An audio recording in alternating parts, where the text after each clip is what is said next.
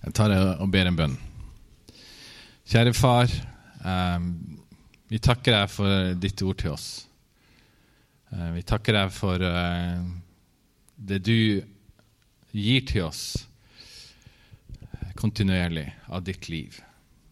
Vi takker deg for din kjærlighet, vi takker deg for det håpet du gir oss.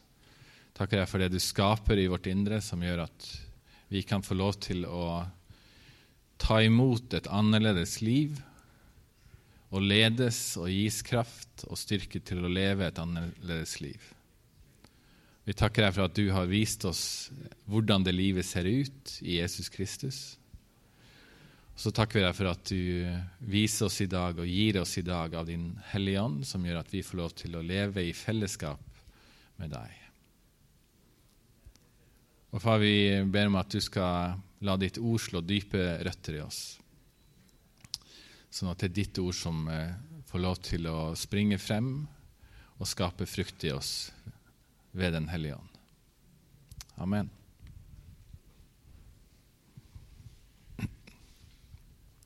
Så får vi se om det er verdt alle de, all de midlene som dere ga i sted. Kanskje du må opp med vipsen e-, etterpå? Eller så kanskje du må sende et motkrav. Vi får, vi får se. Jeg håper i hvert fall at du har større visjoner for midlene dine enn å betale pastoren din. Um, og at vi sammen kan uh, stå for noe mye mer. Og ha tro for at vi får lov til å bety noe mer enn å bare holde meg gående.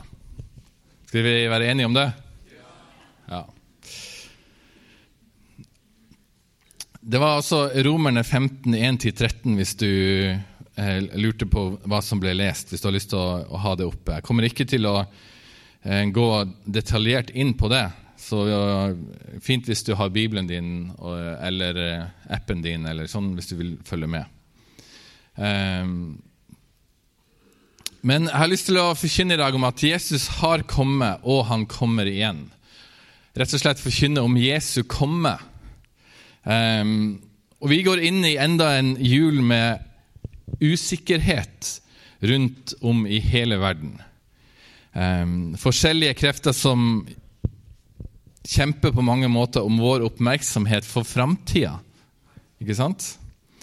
Hvordan blir det egentlig i årene som kommer? Har i hvert fall jeg tenkt noen gang.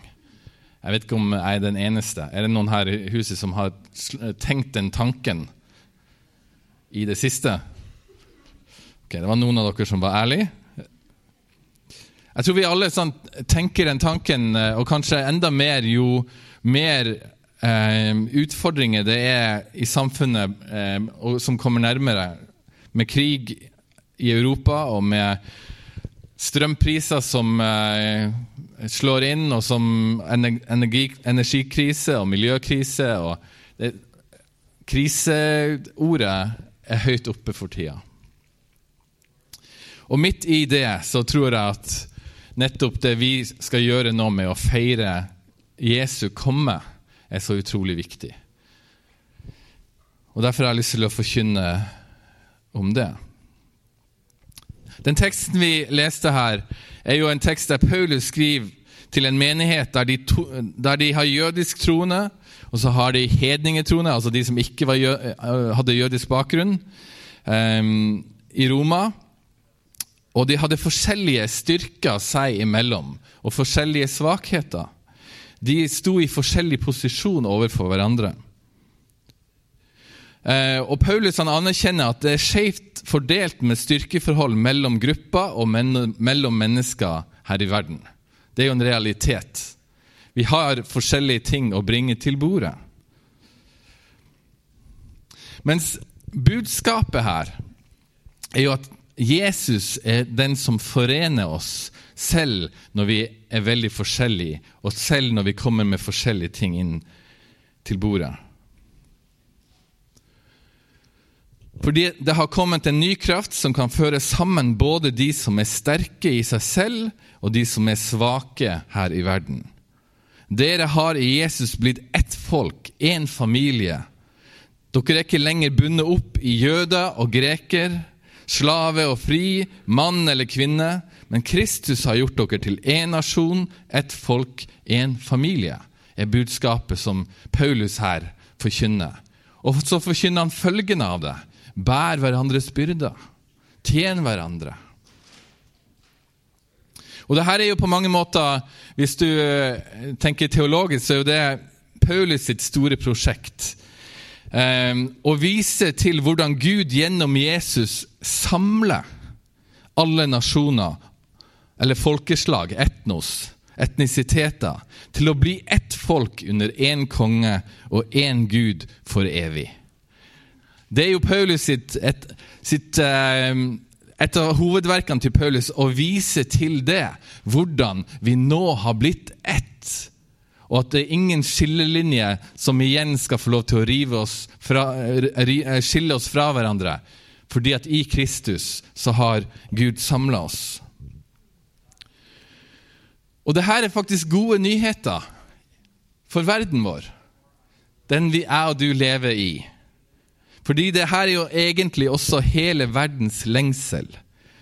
Når skal det bli slutt på all krig og krangel og kiving og maktkamp?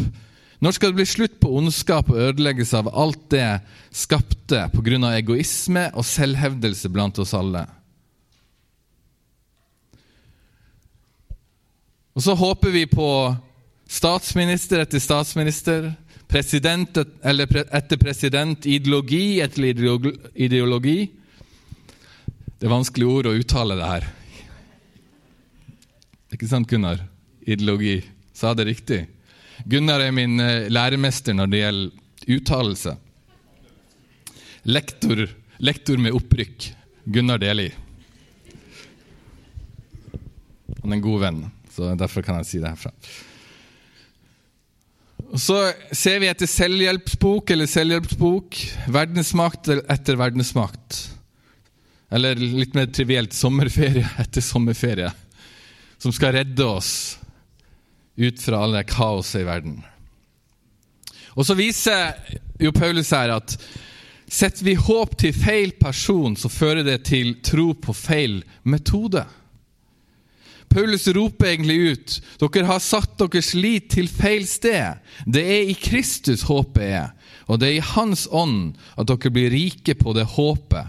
Sånn at dere ikke går feil og begynner å håpe på at andre skal gjøre det bare Jesus kan gjøre i ditt liv. Og hva er det Jesus skal gjøre? Jo, han skal sette alt det skapte i frihet når han kommer. Det er håpet vårt. At det er bare Kristus som kan sette alt i frihet når han kommer. Og Derfor er lengselen så dyp etter Kristi komme, Jesu komme, igjen. Vi har sett det så mange ganger og veldig tydelig de siste åra i forskjellige land og rike. Hvordan så mange igjen har satt sitt håp til en leder for å bringe Guds rike til jorden. Denne lederen er jo Guds utvalgte. Endelig skal freden komme. Endelig skal vi få det samfunnet som vi alle drømmer om. Bare vi velger riktig leder.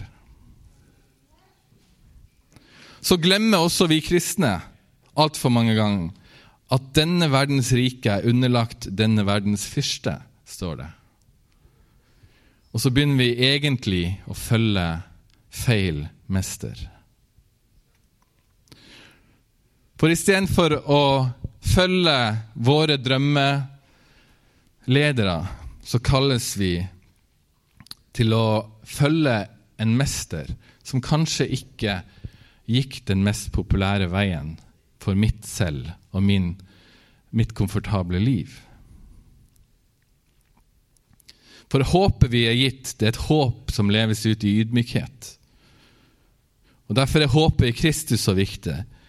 Ikke håpet i nasjonen, håpet i familien, håpet i kulturen, håpet i økonomien vår, håpet i min gruppetilhørighet osv. For mister vi håpet på ham, så faller vi tilbake til gamle mønster som hele verden ligger under allerede. Og denne verdens vei istedenfor mesterens vei, i ydmykhet, der vi må bære hverandres byrder før vi vil hevde våre egne rettigheter. Jeg tror vi så altfor ofte ender opp med å gripe fatt i rettighetene mine, istedenfor å faktisk se Wow, jeg er kalt til å bære den andres byrder. I Bibelen så, så er uttrykket for uh, Jesu komme, eller Herrens komme, er parosia, eller noe sånt. For den som kan gresk, eh, så betyr det egentlig komme, eller Herrens komme. Og det betyr en ankomst, et komme, et offisiell besøk. Eh, og det er egentlig Begrepet handler om når herskeren eller kongen kommer for å sette sin rett i et samfunn. Det, er når keiseren drar fra Roma og kommer til din provins, og endelig skal alt bli orden på, for nå kommer den øverste lederen og skal ordne opp i alle våre problemer. Og Dette er også begrepet som, som Nytestamentet bruker på Herrens komme, når Han skal komme for å sette alt i rette stand. Hjemme I min familie når jeg vokste opp, så eh, Jeg har en bror som er ett år eldre enn meg. Og vi pleide å um, både plage uh, de yngre søstrene våre litt, og så slåss vi mye, jeg og han sammen. Han pleide å terge meg, og så tente jeg på alle plugger. Og så uh, løp han og låste seg inn på badet, eller noe sånt. Så feig som han er. Mens ting hagla etter han i lufta av uh, diverse ting. Så det var egentlig smart av han å låse seg inn der. Han, selv om han var ett år Eh, eldre enn meg, han er jo det fortsatt, så er han bare så høy. Så jeg forstår han jo godt. Men det hendte jo at min mor da, eh, Jeg har fem søsken, da, så det var en stor gjeng. Og min far var veldig mye ute og reiste. Eh, og det hendte rett som det var at min mor i oppgitthet, oppgitthet liksom prøvde siste skanse. Bare vent til pappa kommer hjem. Liksom, da skal alt Eh, da skal dere bli retta skikkelig opp. Eh, og kanskje er det noen her som har et sånt forhold til Herrens komme. Eh, men jeg tror ikke det er det som er hovedbudskapet her. Men det ligger i det også. sant? At en dag så skal Herren komme og et opp, ta et oppgjør med all urettferdighet og all ondskap og all, alt det gale. Men så har du det andre bildet, som jeg tror vi som tilhører Herren, får lov til å leve i.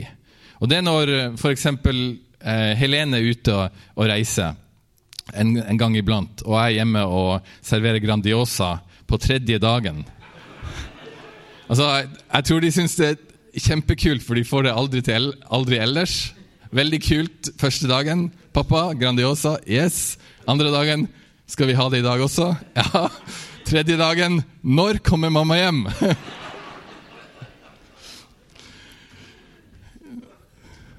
For da skal det gjenopprettes, det gode, i hjemmet vårt. Og det er jo den lengselen vi får leve med. Å leve med at å, Kristi komme. Det er når Guds rikdom igjen skal få lov til å innta hele verden og hele jorden. Og Derfor er det sånn at vi som er frikjøpt av Kristus, vi lengter så dypt etter vår elskede frelser. I fjor så hadde vi en uh, fantastisk opplevelse når vi feira jul. Nesten vanskelig å, å, fortelle det, fordi at um, tida før jul hadde vært krevende for Helene, blant annet. Og, og um, hun hadde grepet tak i en sang som heter The Advent Song. Um, som handler om egentlig å lengte etter Herrens komme. Og Hun hadde sunget det i, i, flere uker, gått rundt og sunget på den og, og levd, levd, med den som en sånn strøm fra, fra hennes ånd. Og så, når vi feirer jul sammen med eh, svigerforeldrene mine, som er her i dag, eh, og hennes familie så, og de er musikere, hele gjengen. De er så uforskamma dyktige. Så eh, Helene bare fikk broren med på piano. Hun grep tak i tverrfløyta hun ikke hadde spilt på et par år. Og så bare rett og slett under Den hellige ånds inspirasjon så bare fylles rommet av Guds nærvær. Der vi får lov til å synge ut 'Å visdom' og 'Herre og hersker'. Isais rotskudd, Davids nøkkel, solen som går opp, nasjonenes konge, Immanuel. Kom, Herre Jesus, kom. Og det er bønnen som lever i vårt indre. Som vi som er, vi som er frikjøpt denne frikjøpt fra under denne verdens fyrste og har fått en ny fyrste i livet vårt. Vi har fått en ny herre. Og han er ikke bare min herre, han er nasjonenes konge. Han er Immanuel, Gud med oss. Han er nøkkelen til riket som skal vare for evig. Han er soloppgangen. Vi vet at dagen er på vei. Og den kommer til å komme fullt ut, uansett hvordan mørket prøver seg igjen og igjen. Og det er vår lengsel. Og det er den dype lengselen som vi får lov til å gå også inn i den høytida her, med å synge ut, til å tale ut, til å feire ut. Og så står vi med et folk, med Guds folk, Guds menighet, som alltid har hatt en dyp lengsel etter Herrens komme. Og så er du og jeg velkomstkomiteen til Herren. Sammen med alle de hellige før oss. Når Han kommer, så møter vi ham og ønsker ham velkommen. Vi rydder vei for Herrens komme som Guds folk, Guds menighet. I verden så går vi frem og så rydder vi vei og sier Hør, folk, han er på vei. Hør, folk, han kommer. Hør, folk, det er mørkt nå, men solen er på vei til å stå opp. Vi pynter byen klar, vi henger opp banner, vi setter opp hans menighet klar for at han skal komme. Vi pynter byen full av lys fordi at lyset kommer, ikke sant? Og så lever vi allerede sånn, vi, sånn, som vi skal leve for alltid. Vi ber og jobber for å gjøre verden til et sted som profetisk peker mot det som en dag skal komme fullt ut. Det er jo kallet vårt å forkynne evangeliet og gjøre disipler av alle folkeslag. Og undervise og lære disiplene at yes, dette er livet i Kristus, dette er livet i Gud som vi alltid skal leve. La oss begynne å leve det nå. Jeg tror kanskje det beste bildet i norsk kultur på det her med å ønske kongen velkommen, det er når eh, kongen vår, eller kongeparet vårt, drar på, på visitas rundt i Norge med kongeskipet sitt.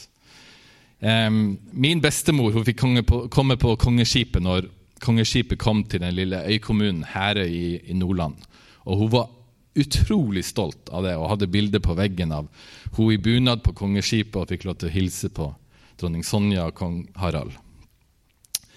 Uh, hun, hadde, hun hadde drevet søndagsskole og fikk en kulturpris og fikk lov til å komme på kongeskipet. For, for hun som levde under andre verdenskrig, så var, tror jeg ikke jeg klarte å forstå engang hvor stort det var for hun, med symbolet med kongen som sto imot okkupasjonsmakten. Men det som skjer når kongen kommer inn til en havn med skipet sitt, det er jo at alle som har båter i den byen, eller den bygda eller den havna, drar ut så langt de kan til havs for å ønske kongeskipet velkommen inn. Og det er vår komitéjobb. på en måte. Det er Kirkens oppgave å hele tida dra for å ønske Dra ut for å ønske Jesus velkommen. Ønske kongen velkommen i enhver setting han kommer til. Ikke for å sitte her og si 'bare vent til pappa kommer hjem'. Det å si 'bli med ut og ønsk han velkommen'. Jeg har plass i båten. bli med ut og ønske han velkommen. La oss pynte båtene våre med flagg. La oss ønske kongen velkommen hjem. For Gud har en frelsesplan, og det vi har i vente etter at han er ferdig med sin frelsesplan, det er helhet. Det er at Gud samler alt og gjør det helt. Han helbreder hjerter, han helbreder relasjoner, og han skal helbrede land, og han skal helbrede hele verden. I Efeserne 1,10 står det sånn Han ville fullføre sin frelsesplan i tidens fylde og sammenfatte alt i Kristus, alt i himmel og på jord i ham. Guds plan er altså ikke å skille himmel og jord og, så, og separere det ufullkomne med det fullkomne, sånn at vi frelste kan rømme over til det fullkomne og la det ufullkomne forgå. Guds frelsesplan er å ikle det ufullkomne med det fullkomne, sånn at det blir ett, og omslutte det forgjengelige med evig liv. Kristus kommer og sier, 'Kom og la deg forene med meg', sånn at du kan bli hel, sånn at vi kan bli hel. Første Korinterbrev 15, fra vers 51 og noen vers der, så står det sånn. Se, jeg sier dere en hemmelighet. Vi skal ikke alle sovne inn, men vi skal alle forvandles. Dette er om håpet vårt, om oppstandelsen. Brått på et øyeblikk ved det siste basunstøt. For basunen skal lyde, de døde skal stå opp i uforgjengelighet, og vi skal bli forvandlet. For det forgjengelige må bli kledd i uforgjengelighet, og det dødelige må bli kledd i udødelighet. Og når dette forgjengelige er kledd i uforgjengelighet, og dette dødelige er kledd i udødelighet, da oppfylles det som står skrevet.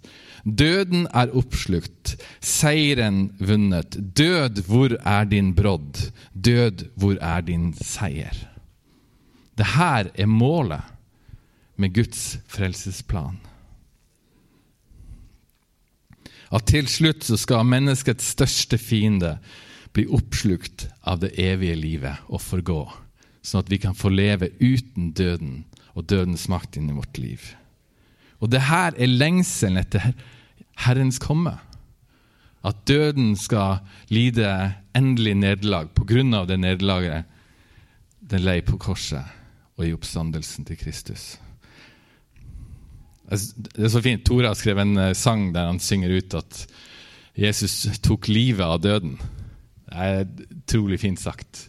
Det er Guds mål. Han tok livet av døden når Jesus beseira døden på korset og i oppstandelsen. Og Så får vi lov til å gå med Kristus i hans kongerike, for det er i hans kongerike at dette skjer i verden i dag. Han er konge over verden, og han er konge i universet. For det her kan bare skje gjennom Kristus, for han er eneste menneske som har seira over det forgjengelige og døden. Og Litt før i det samme kapittelet så, så sier eh, Paulus også Men nå er jo Kristus stått opp fra de døde, som førstegrøden av dem som er sovnet inn. Fordi, de, fordi døden kom med ett menneske, er også de dødes oppstandelse kommet ved ett menneske. For slik alle dør på grunn av Adam, skal alle få liv ved Kristus. Men hver i sin tur. Kristus er førstegrøden. Deretter, ved hans gjenkomst, følger de som hører Kristus til. Så kommer slutten, når han overgir sin kongsmakt til Gud, sin far, etter at han har tilintetgjort alle makter, myndigheter og krefter. For han skal være konge helt til Gud har lagt alle fiender under hans føtter. Og den siste fienden som blir tilintetgjort, er døden. Synden, den onde og døden er beseira og er i ferd med å bli overskygga av Guds rikes herredømme, som utbres og vokser frem. Det er rotskuddet som tar over og vokser seg stort. Og vi, du og jeg, som en del av Guds menighet, Vi er med på kongens triumfferd gjennom historien. Jeg vet ikke om du føler deg som du er et triumftog. Jeg må vel ærlig innrømme at det ikke alltid jeg våkner om morgenen eller går gjennom dagen og kommer hjem og blir spurt ja, hvordan var dagen din, Ketil. Jo, jo, siden jeg jeg betalte dere, så var jeg jo, er jo hver dag en fantastisk dag. Det er ikke alltid jeg kommer hjem i triumf. Yes! Seier i dag! Triumfere over hvilken seiersdag! Men det Men allikevel så er det jo det som er sant. At pga. Jesus Kristus og ikke pga. min fortreffelighet eller min dag, så er jeg med på kongens triumferd gjennom historien. Han har seira. Han er krona, og han leder oss gjennom historien i sitt triumftog. Men han ble krona på en helt annen måte enn vi kanskje skulle ønska. Jeg ville ikke krone han på den måten hvis han skulle være min konge. Men han valgte å bli krona gjennom tornekrone, gjennom piskeslag, som rød kappe på ryggen sin, og ble spikra til et kors. For han kommer med et helt annet rike. Og det er det som er kallet til oss, å se at riket som vi er med på, og som vi går i triumftog med, et helt annet rike enn de rikene som er rundt oss i verden i dag. Hør hvordan han drar i møte til sin kroning på korset. Johannes 12, 13 og 14. Hosianna, velsignet er, han, velsignet er han som kommer i Herrens navn, Israels konge. Og Jesus fant et esel og satte seg opp på det. Slik det står skrevet, vær ikke redd, datter Sion.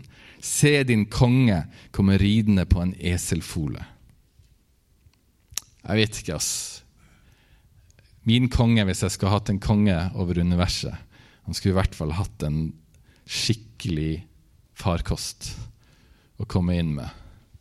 Et esel. Når Jesus blir krona på korset, tornekrone og skilt med jødenes konge over seg. Forventninga var Messias skulle råde over hele jorden. Er dette Messias? Er dette kongen?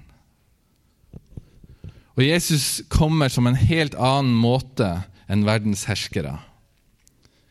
Og hvis ikke du og jeg og hans tilhengere justerer synet vårt med jevne mellomrom, så kan vi fort miste motet. Om vi sammenligner oss med rika i verden Nå har kristendommen mista så mye makt, hvisker vi til hverandre. Vi må gjenkristne Norge. Jesus må bli konge i Norge. Kanskje hvis vi velger det rette kristne partiet, så kommer vi i mål. Er ikke det snart valg? Har ingen annen To år til? Tre år? En dårlig eh, valgkampleder, i hvert fall. Men sannheten er at Jesus er den endelige kongen i Norge allerede. Vi trenger ikke noen ny konge, fordi at han er konge. Som igjen Tore, andre sangreferanse til deg, har skrevet sangen av 'Kongen av Karl Johan' er Jesus. Det er ikke Harald. Det er ikke vår regjering som er den virkelige kongen. Det er Jesus Kristus. Og det virkelige riket som vi følger, er hans rike, og ikke først og fremst Norges rike. Akkurat nå så er han konge i eksil. Men han ble ikke bare krona på korset, men bekrefta sin kongsmakt ved at han sto opp fra de døde. Jesus Kristus, den salvede Messias, er den virkelige kongen i Norge. Og jeg håper han er den virkelige kongen i hvert av våre liv. Og derfor lengter vi etter Herrens komme hele tida. For han er kongen som må få lov å komme og sette alt i rette stand. Og Gud viste sin barmhjertighet ved å innsette sin konge over alle nasjoner ikke bare over mitt liv. Det som skjedde i en krybbe, i en stall i en liten landsby, et land i Romerrikets periferi, i utkanten, i Nord-Norge, liksom. Se for deg langt oppe i Nord-Norge, der det bare blåser og snør, og liksom, ingen bor der egentlig. Der føder en ung jente et lite barn som er rotskuddet til det rike som skal ta over hele universet til evig tid. Ha! For en spøk! Det kommer jo aldri noe godt fra Betlehem eller Nord-Norge. Det var som eh, Jeg har hørt historier om Det liker jo å fortelles til meg som er nordnorsk, at for noen tiår siden så var det ofte sånn boligannonser i Oslo at uh, leilighet ledig. Eh, vennligst ikke søk hvis du er nordnorsk, liksom. Det den, men det er den kongen som vi følger. Den kongen som valgte å bli født i periferien. Som valgte å bli født blant de svake, i det enkle. Og det er i det barmhjertigheten ligger for nasjonene. Vi følger ikke keiseren, vi følger ikke rovdyret, men vi følger lammet. Og det um, utfordrer meg og vårt intellekt i en tid der vi ønsker at styrken skal reises opp for å få slutt på det som er av ondskap i verden. Det var ikke keiseren og hans rike eller noen annen keiser eller rike som kommer til å forløse verdensfreden, de fattiges oppreisning, de lidendes helbredelse og de fortaptes frelse. Det er det lille barnet som rett foran det glupske rovdyret Romerriket fikk seg et eget rike som alle andre rovdyr som har utnytta sin makt til sin egen rikdom og fordel, til slutt må knele ned for. Villdyret, bjørnen, ulven må knele ned for lammet. Det er det rike, og det er den kongen vi følger. Men så ofte så tror vi at vi må ha et rovdyr for å gjøre opp med rovdyret. Mens Kristus kom og viste en helt annen vei. Til slutt så vil ethvert rike måtte knele for Guds rike. Men det er lammet vi følger, det er ikke rovdyret. Og her ligger vårt kall. At vi må sette vår lit til lammet for verdens frelse. Selv om det virker utrolig usannsynlig. Ofte så tror jeg vi er mer stolte av hva kristendommen har oppnådd i Vesten, enn hvordan den har oppnådd det, og videreføre det. Og hvordan får Guds rike innflytelse i et samfunn og et liv? Jo, det er mennesker som tar på seg tjenerskinn og legger ned sine liv for andre mennesker. Som bærer hverandres byrder. Og vi legger ned vårt eget fordi vår konge gjorde det. Vi følger i hans fotspor. Og Derfor blir vi kalt til å legge ned våre krefter for andres tjeneste, ikke bare bruke det på oss selv og våre egne. Vi har sett at han har vunnet over synden, døden og den onde ved å legge ned sitt eget. Derfor kan vi også gjøre det i troen på at hans gjerning holder også for vår seier. Han kjemper for oss, og han har vunnet kampen for oss. Og Derfor er måten hans rike får herredømme på nå helt annerledes enn andre riker. Når disiplene begynte å krangle om hvem som skulle være størst av de Det skjedde sikkert bare den gang, det har aldri skjedd siden. Sant? Selvfølgelig ironi. I Lukas 22-24 til 27 så står det sånn. Nå ble det også en strid mellom dem om hvem som skulle regnes som den største. Og da sa han til dem.: Kongene hersker over sine folk, og de som har makten, lar seg kalle velgjørere, men slik er det ikke blant dere. Den største av dere skal være den yngste, og lederen skal være som en tjener. For hvem er størst, den som er gjest ved bordet, eller den som er tjener? Er det ikke gjesten, men jeg er som en tjener blant dere. Dette er kongen vår. Dette er han vi følger. Dette er han som viser oss hvordan livet til seier leves. Hvordan livet til seier over synden, døden, den onde, hvordan den leves ut. Og Jesus kom som et sårbart barn. Og allikevel så er han ikke noen pingle. Han er ikke en, en usselig konge. Og som vi hørte i begynnelsen her, i Jesaja 9,6 så står det sånn om han. For et barn er oss født, en sønn er oss gitt. Herreveldet er lagt på hans skulder. Han har fått navnet Underfull rådgiver. Veldig far, veldig Gud, evig far, fredsfyrste. Og han kaller oss på samme vei for å kunne reise oss i hans styrke, til å stå i hans tjeneste. Og så er jo nøkkelen at jeg og du har fått lov til å komme helt inn til Gud og ta imot den samme kraften som Jesus hadde, som gjorde at han kunne legge ned sin egen styrke for å ta imot styrke fra Gud. Vi har fått av Guds ånd i vårt indre. Til avslutning her, så Jeg liker jo å, å fortelle den historien om mor Teresa som eh, Når hun skal ta imot fredsprisen i Norge, så står hun i, eh, og skal få audiens hos kongen. Og så er det reporteren i, i venteværelset som spør lille mor Teresa er du litt nervøs nå for å komme inn til å møte kongen. Og så eh, ser jeg for meg at hun setter øynene eh, skarpt i, eh, i reporteren og sier Tror du virkelig at jeg er nervøs for å møte Norges konge? Jeg har audiens hos kongenes konge hver eneste dag.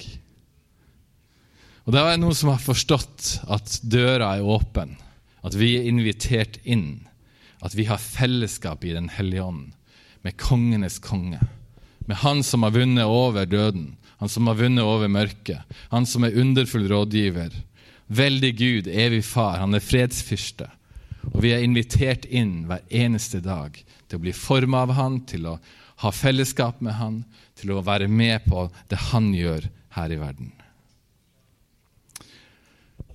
Derfor har jeg lyst til at vi skal bare synge ut vår lengsel etter Jesu komme. Jeg lengter etter Jesu komme i mitt eget liv. At Jesus skal få forme meg daglig til mer og mer lik Han. Å, Herre, du må komme i mitt liv. Ja, du er her, men jeg må få enda mer av deg. Jesus, du må komme her i menigheten vår. Jesus, kom. Herre, Jesus, kom. I landet vårt, i familien vår, i relasjonene våre, i Europa. Kristus, kom. Men kom som deg, og ikke som noe annet.